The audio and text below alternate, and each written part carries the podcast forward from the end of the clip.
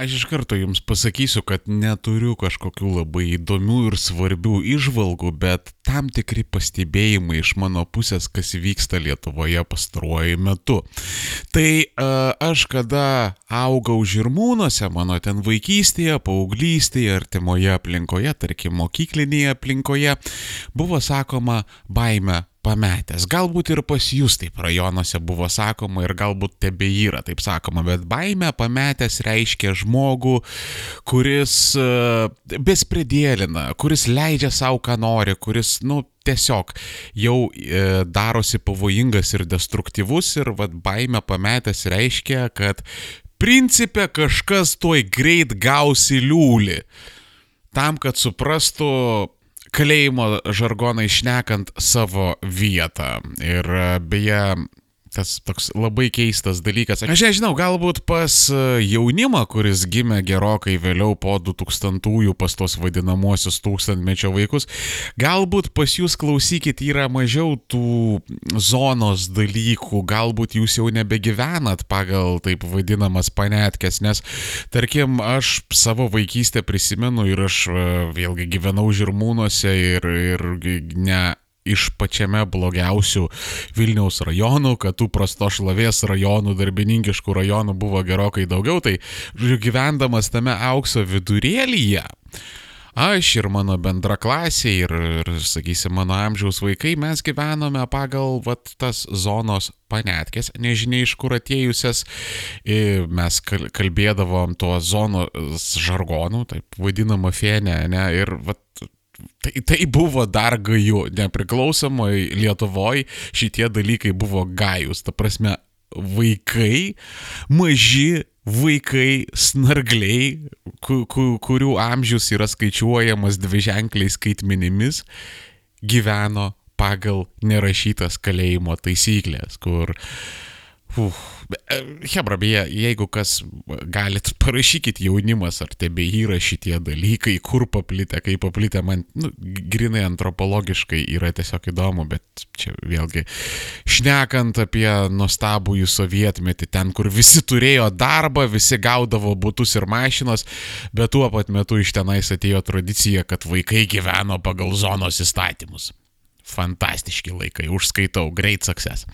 Vienu žodžiu, ką aš norėjau pasakyti, tas baime pametęs, ne, aš pavyzdžiui, kai matau tuos dalykus, kaip kad, tarkim, jau čia yra pirmasis Armėno radio epizodas ir kas negirdėjo, tas vegetaras, tai čia pati pati Armėno radio pradžia tai yra Eligijus Masiulis, ne, Eligijus Masiulis ėmė paskolą realiai kyšį, bet, nu, taip sakant, per beprotišką gyvenimo skubą, kaip jisai sakė, ėmė, sakysim, paskolą, nes yra normalu imti paskolas iš MG Baltiko viceprezidentų ir dar tas paskolas laikyti proginėse degtinės butelio dėžutėse ir po to likusius pinigus liepti po matrasu. Tai yra totaliai normalu, žinai, ta prasme, kada jūs ateinat į banką apsiforminti būsto paskolos, tai ta prasme, vat, jūs pasitinka Kurlenskis, duoda jums degtinės butelį ir ten vat, būna ta visa būsto paskola, kurią jūs tipiškai laikote po matrasu. Tai čia yra,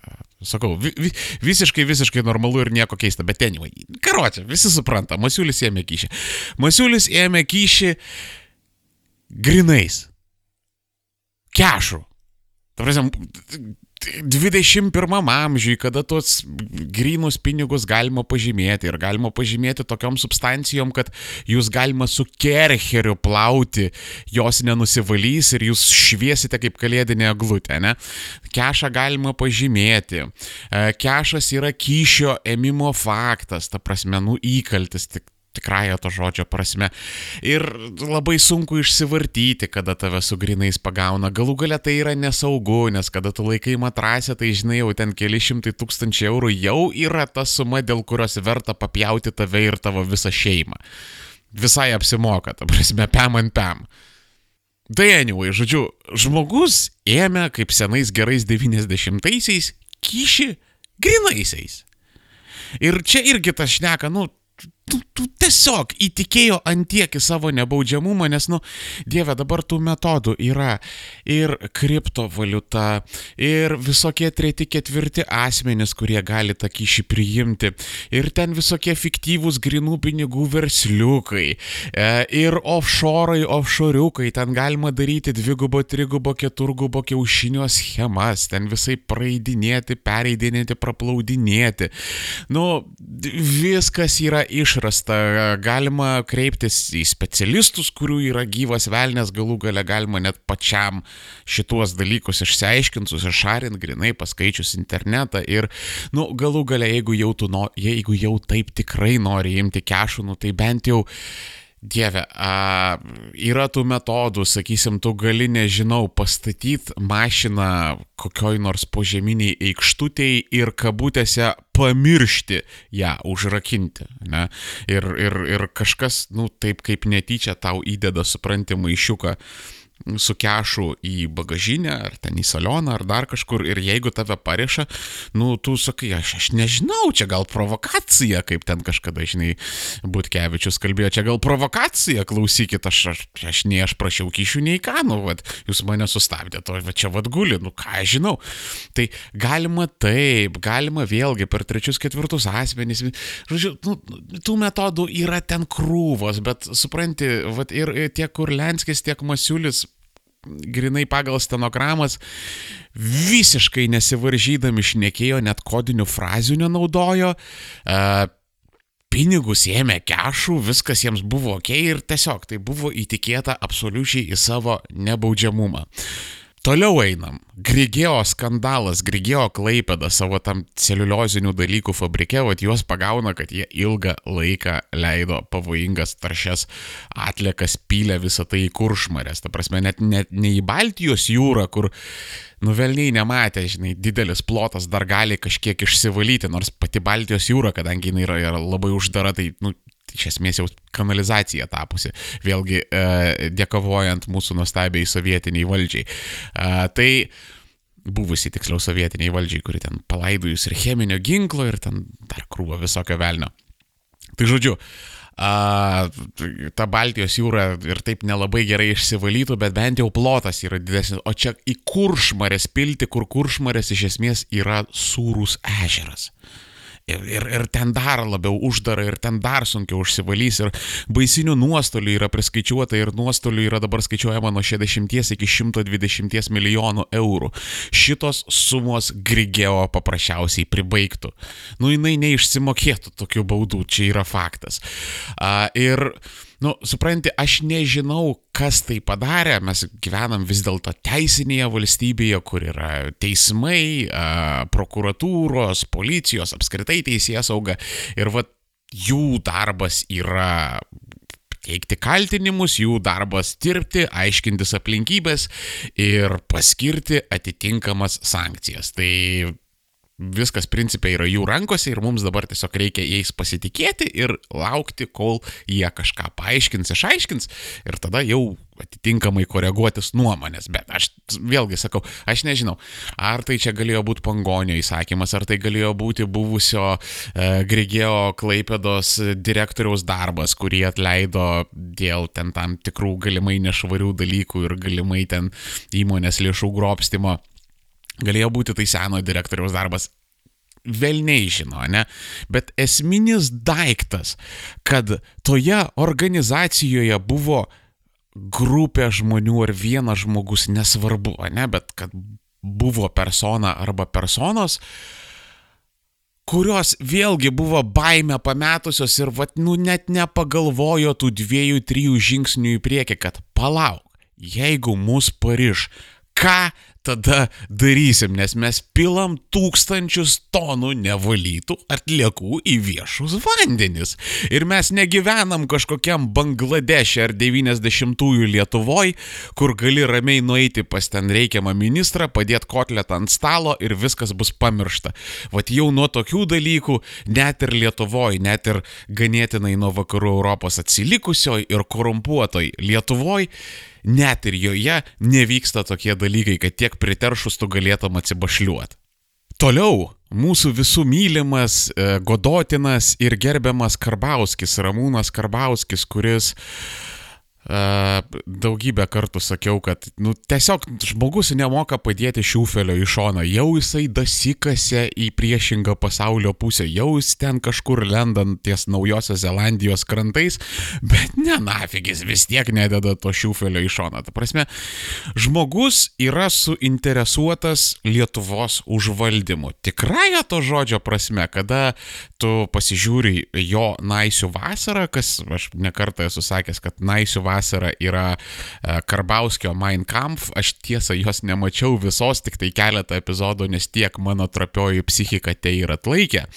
Bet e, pasižiūri ten keletą epizodų tos naisių vasaros. Pasižiūri į pačius naisius, pasižiūri, ką tas žmogus daro, ką jisai išneka. Ir aš labai labai dažnai klaus, sakau, kad atidžiai klausykit, ką žmonės šneka ir kaip jie šneka. Vat jeigu jūs atidžiai klausysit, jie jums viską pasakys, ką jie turi omeny ir apskritai apie ką jie yra. Tai žodžiu, susidėlė, susidedant visą šitą dėlionę ir puzzlą ir ten kitokią metaforą, mes matom, kad Karbauskis yra diktatorius. Tai yra, vat, nu, nežinau, žmogaus tipas ar kaip šitą dalyką pavadinti, bet jis yra absoliutus diktatorius. Jam tikslai pateisina belė kokias priemonės ir mes tai matėm jau per prezidentų rinkimus, kada jisai, nu, ta prasme, vėlgi daugybę kartų mano apšnekėta ir gvildenta tema, kai principę atidavė tam psichopatui Jekeliūnui sudeginti visą Lietuvos bankininkystės sistemą. Ta prasme, šalies prestižas, panašus dalykai jam buvo visiškai nusispjaut, tuo labiau jam buvo nusispjaut kažkokia galima eskalacija, kad, na, nu, jeigu, tarkim, dabar su prezidento rinkimais būtų pavažiavę užsipulti bankus ir finansinės institucijas, tai precedentas atsiranda ir tie precedentai eskaluojasi, tai galbūt kitiems rinkimams iš viso kažkas sugalvotų, ten tarkim, nežinau, kokio sebo ar svedo licenciją, tarkim, atimti, kas čia iš viso būtų didžiausias pravalas, nu, jeigu tai būtų padaryta grinai piariniais tikslais, kad prigazdinti žmonės, tai realiai užsienio investorių pasitikėjimas staigiai nukristų ir Lietuvos ekonomika atsidurtų ten belenkonkoj šiknoj. Tai žodžiu, vat, nebuvo pagalvota apie eskalacijas, po to Karbauskis jisai principė jau ten pradėjo labai rimtai lysti juodasias technologijas ties savivaldos rinkimais, paskiau ten prasidėjo tie visokie dalykai su 3 procentais, kartelių nuleidimais, paskui e, finansavimo LDD pistams, tiems karočią LSD Nu, ten karočią, ta Kirkilo LDD pistų partija, ne? A, kažkokiems finans, finansavimo suteikimų jiems, a, 3 procentų kortelės jau mano minėtos, paskui ten visokie jau ir taip prasidavusią, nekompetitingą, tą mūsų žiniasklaidą bandė, bandė kažkaip, žinai, prismaukti, kažkaip juos vati kampą įsprausti ir ten prie LRT prisiknysinėjo. Iš dalies pagristai, iš dalies nepagristai, nu bet bendras trendas yra aiškus, ne? Žmogus nepakentė jokios kritikos, žmogus nepakentė jokios konkurencijos, žmogui net, nu, nedaėjo, man atrodo, Karbauskiui po šiai dienai nėra aišku, kad uh, kodėl jo reitingas yra vienas žemiausių Lietuvoje, kodėl šitiek daug žmonių Lietuvoje gyvenančių jo nemėgsta. Ir man atrodo, Karbauskis jis visiškai natūraliai tiki, kad uh, Ne, iš tiesų žmonės jį labai myli, e, reitingas tai čia konservatorių sufabrikuotas, e, žmonių atsiliepimai čia konservatorių, žodžiu, viskas čia konservatorių sufabrikuota ir čia viskas yra samokslas. Man atrodo, jisai labai rimtai šituo dalyku tiki, bet vėlgi, tai rodo, kad žmogus yra pametęs irgi baimę. Absoliučiai. Ta prasme, jam absoliučiai yra nusišikti, ką jisai padarys kiek jisai Lietuvos ekonomikos sudegins, kaip jisai suprastins prestižą, e, ką jis uždarys, ką jis sulaužys, ką jis atleis, ką jis, žodžiu, jam yra visiškai nusišikt, ką jisai padarys, tik tai tam, kad jisai išlaikytų savo valdžią. Ir čia ne tik kažkokios lietuviškos nūdienos aktualijos, bet ir tarptautinių lygių tokie dalykai vyksta. Tarkim, prašau, Dieselgate'as, Dieselgate'as, VAG ar, arba Vagas arba Volkswagen AG. Visas koncernas yra užtraukiamas ant to, kad jisai sukčiavo ir labai intensyviai sukčiavo variklių emisijų testuose. Ir e, čia beje ne tik vienintelis Volkswagenas buvo, ir Renault Nissan buvo pagauti, ir Mercedes Benz, ir apskritai šitą praktiką apgaudinėti emisijų ir aplinkosaugos sistemas automobiliuose jinai eina nuo kažkur tais ten gauruotų 70 kažkilintųjų metų. Tai čia dar periodiškai atsiranda sakančių, kad armėnai ką tu nesupranti, taigi čia valdžia per griežtus euro reikalavimus, nuo to iš aplinkosauginius reikalavimus nuleidinėje. Ir tas vargšas Volkswagenas tiesiog buvo priverstas, priverstas, aš tau sakau, sukčiauti emisijų testuose. Bet, va, du esminiai dalykai. Visų pirma, Volkswagenui kaip ir nereikėjo sukčiauti, nes problema buvo kame. Jie kalbėjo apie vieną skaičių, o realus skaičius buvo gerokai didesnis, tai jie tiesiog galėjo įrašyti tą gerokai didesnį skaičių ir neturėti problemų. Čia kaip ir pirma vieta. Antra vieta - tai Volkswagenas jisai dalyvauja diskusijoje, tai yra tie visokie aplinkosauginiai, ten EPA ar euro reikalavimai, jie nėra taip nuleidžiami iš dangaus lygioje vietoje. Dėl jų yra tariamasi, tariamasi daugybėje valstybių, daugybėje jurisdikcijų, tarp daugybės institucijų. Ten dalyvauja automobilių koncernai, ten dalyvauja jų lobistai, ten dalyvauja valstybių vyriausybių, ten vadovai atsakingai asmi. Žodžiu, tie standartai atsiranda bendro dialogo būdu. Ir jeigu nebūtų galima fiziškai jų pasiekti ir tie standartai būtų per griežti, tai tie automobilių gamintojai būtų kažką dėl to padarę, nes jie yra turtingi, įtakingi, jie nėra tokie vargšai. Jie gali ir samdo lobistus, kurie vaikšto ir daro dalykus, jie gali pastovėti už save. Jie turi daugybę įtakos svertų, todėl kad kažkokie aplinkosauginiai reikalavimai galėtų būti per griežti, tai yra nesąmonė, nes kada tu duodi pat savo bausmę, tai pat savo tu negali būti per griežtas, tai yra neįmanoma. Čia tiesiog buvo tas tradicinis baimės pametimas. Amažų nepastebės, amažų neužfiksuos, va ir babkių uždirbsim ir viskas mums gyvenime bus gerai. Dar vienas toksai pavyzdys. Yra toks procesas, jis vadinasi šrinkfliacija. Galbūt apie jį jums teko girdėti. Tai yra, kada mažėja pati prekė. Ta prasme, kaina jos nei auga, nei mažėja, bet pati prekia iš savęs traukiasi. Na, jeigu jūs, tarkim, esate seni Nivėjos pieštukinių dezodorantų naudotojai, tai turbūt atsimenate, kad prieš daugybę, daugybę metų tie dezodorantai buvo, nu, tokie kaip cilindrai iš esmės, ne? Ir po to juose atsirado tokie įgaubimai, išgaubimai, žodžiu, iš, iš cilindro patapo tokia forma, kuri sumažėjo savo tūryje.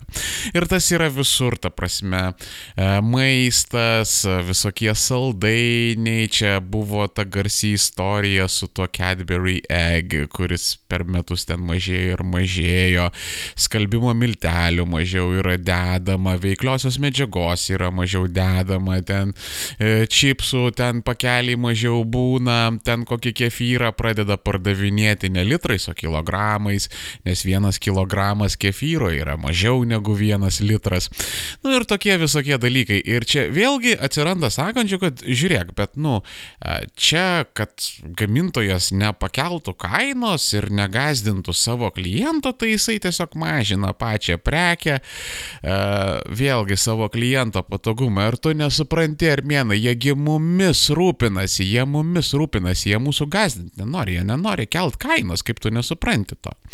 Bet žiūrėkit, po krizės energijos kainos iš esmės nukrito. Na, nu, taip, ten visokių sinusoidžių buvo, bet žemyn nuėjo.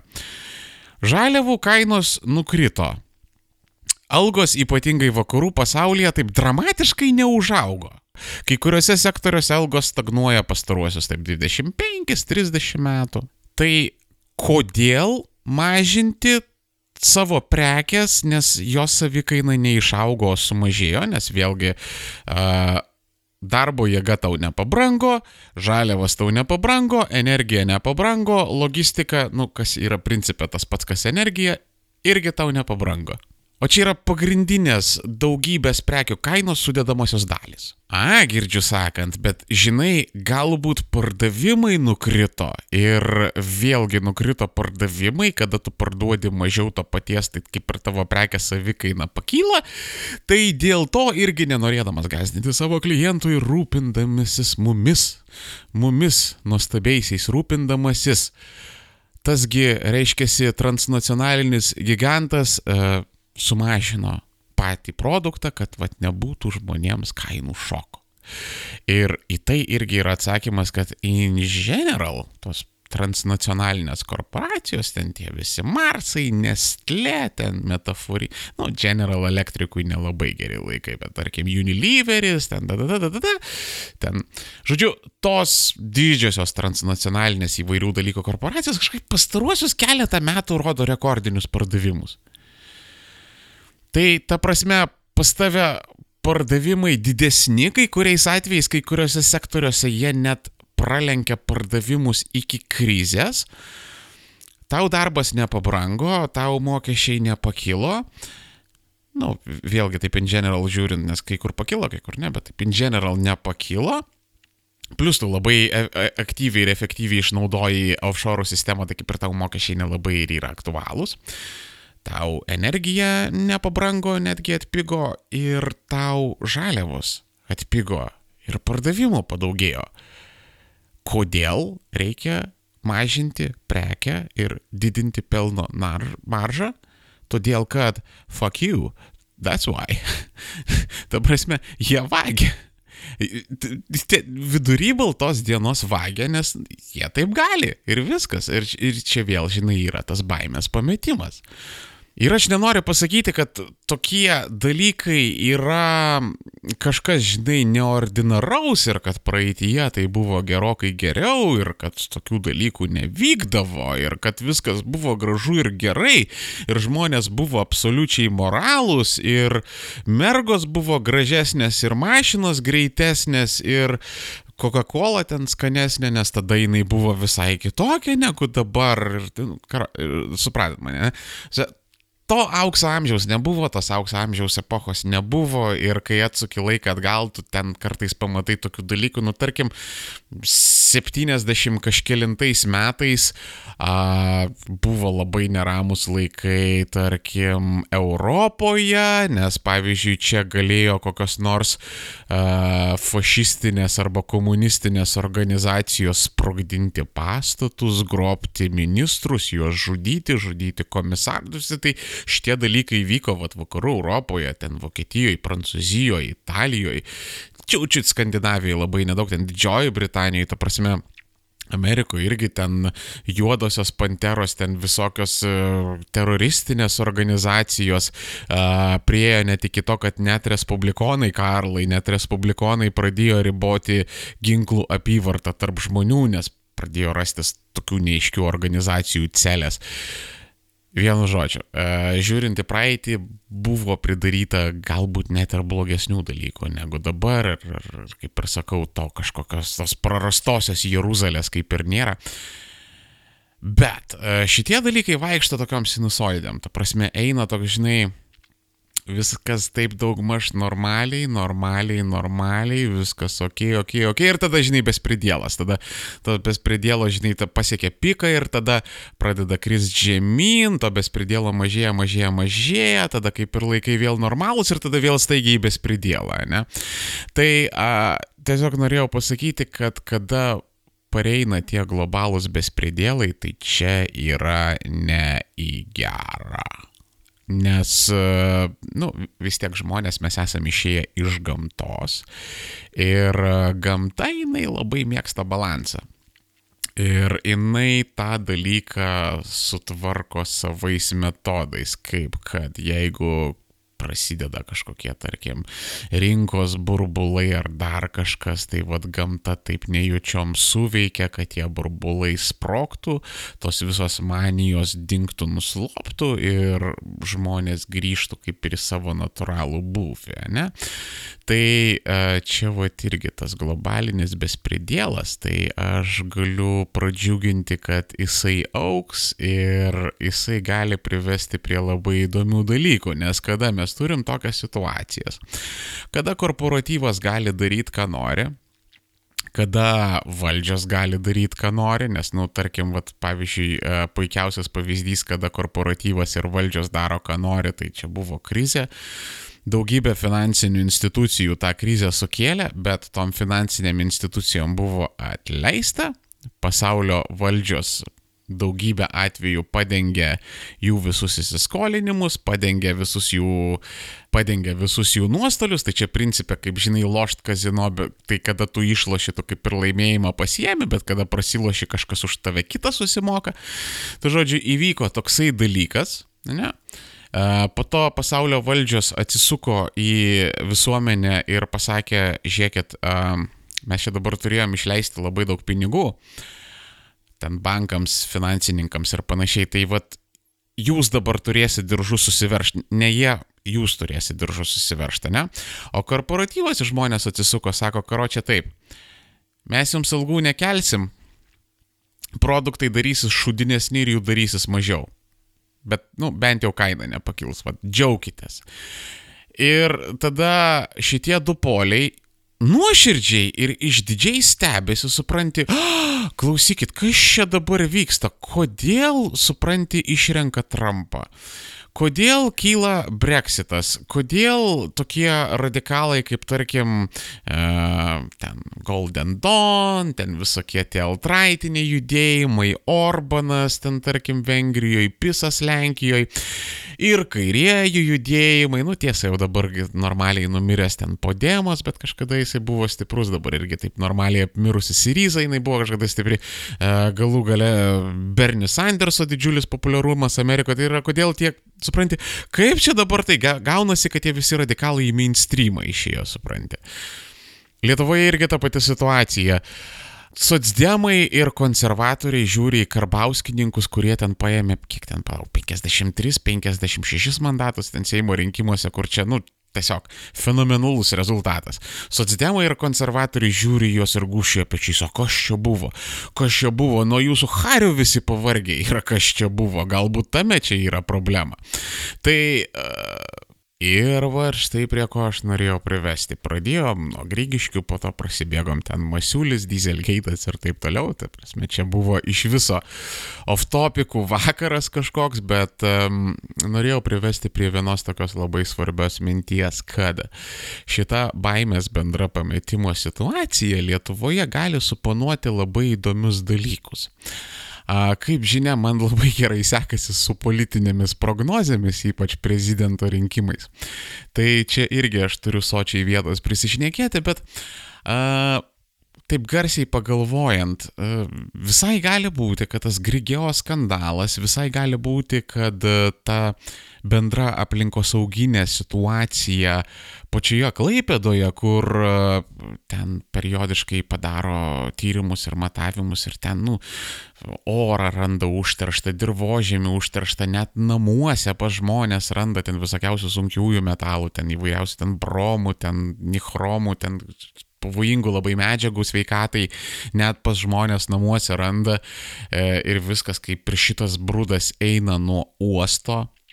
Ir dabar Klaipėdoje mes turim dvi gal net ir tris e, pilna vertės aplinkosauginės organizacijos, kurios paėmė, susiformavo spontaniškai, bet e, yra pakankamai aktyvios, yra pakankamai uh, idėjinės, jos pačios eina, užsakinėja tos tyrimus, rašo skundus, tyrimų rezultatus platina, ieško kontaktų su žiniasklaida, jau ten susiformavo tokie du, maybe trys judėjimai, tai gali atsiliepti tuom, kad liberalai galbūt netyčia praras klaipėdą arba galbūt ten jų pozicijos bus žiauriai susilpnintos. Ir tai gali netičiukais tapti kokiu nors naujų žaliųjų bastionų ir visai tikėtina, kad žalieji 20 metais, aš kalbu apie normalius žaliuosius, ten ne, ne valstiečius ir ten ne tos balsius, ten įvairiausius, kalbant apie normalius, konkrečius žaliuosius, jie gali parodyti kai ką įdomaus. Vieną, du mandatus, galbūt net ir daugiau. Ir gali visai būti, kad ateinančiose savivaldos rinkimuose jie gali netyčia triumfuoti ir gali susidaryti tokia įdomi situacija kaip Kaune, kuris kažkada buvo konservatorių bastionas, o tada užėmė kažkokie tenais vietos populistai. Tai Klaipėda gali irgi netyčia tapti paimta ten žaliųjų populistų. Tai čia vienu žodžiu apie tai išnekant, kad uh, Lietuva jau taip nėra visiškai beviltiškai atsilikusi aplinkosaugoje ir vis dėlto randasi kažkoks samoningumas. Bet uh, reikia suprasti, kad jeigu vyksta tokie bespridėlai, nu, kaip kad ten žmonės baimę pametę ima pinigus grinaisiais arba didelės respektabilios gamyklos pila atliekas į viešus vandenis, arba kad ir tas pats Judakso ten koldūnų skandalas, kur ten viešpatė Kristau, kas ten dėjosi, aš prisimenu, čia prieš keletą metų. Uh, vienu žodžiu, vat, visi šitie bespredėlo pavyzdžiai a, suponuoja du dalykus. Vienas dalykas, kurį aš minėjau, tai yra ne prieš gerą, nes jie turi savybę akumuliuotis. Ir tada, kada jie susiakumuliuoja, tai jie sukuria tam tikrą gravitacijos lauką, kuris prie savęs pritraukia labai daug nešvarių e, populistinių, gaivalinių, tokių marginalinių politinių elementų iš kairės ir dešinės iš visų spektro pusių. Tai čia yra ta problema. Ir kita esminė problema, kad va šitie visi įvykiai, ten Grigeo, ten Masiulius, ten Judeksas, ten whatever, whatever, suponuoja, kad greičiausiai Lietuvoje to yra gerokai daugiau. Kad yra gerokai daugiau gamyklų, kurios į orą, į vandenį, į dirbožymį leidžia labai pavojingas, labai baises medžiagas.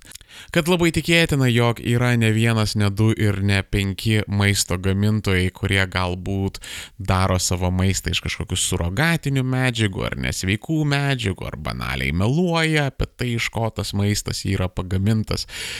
Žodžiu, tų tokių grigeo, sakysim, pavadinkim tai Grigeo vamzdžiais. Tų tokių paslėptų Grigeo vamzdžių, kur teka tos pavojingos kažkokios atlikos ir gadina žmonėms gyvenimą. Ir čia nekalbant tik tai apie aplinkosaugą, bet ir ten apie maisto saugą, informacinę saugą ir kitokius dalykus. Jų labai tikėtina yra gerokai daugiau. Ir labai tikėtina, kad jie yra vienas už kitą baisesni, baisesni negu net šitas Grigeo skandalas. Su tuo visus ir sveikinu. Saldžių sapnų. Ir šiandien kaip ir viskas.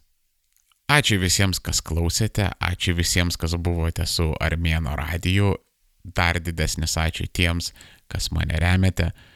Ir jeigu jūs norite prisijungti prie šitų nuostabių, nuostabiausių žmonių, visos nuorodos į mano Patreonus, į mano kriptovaliutų piniginės, į kitokius finansinės pagalbos metodus, viskas yra apačioje po šito video. Jeigu jums negaila dolerio, dviejų, trijų ar kiek, kas yra iš tiesų labai nedideli pinigai per mėnesį, ypač išdėliojus per atskiras dienas, tai jūsų pagalba ypatingai finansinė yra laukiama nuorodomis apačioje. Dar sėki ačiū visiems, šiandien viskas. Čia, iki kito.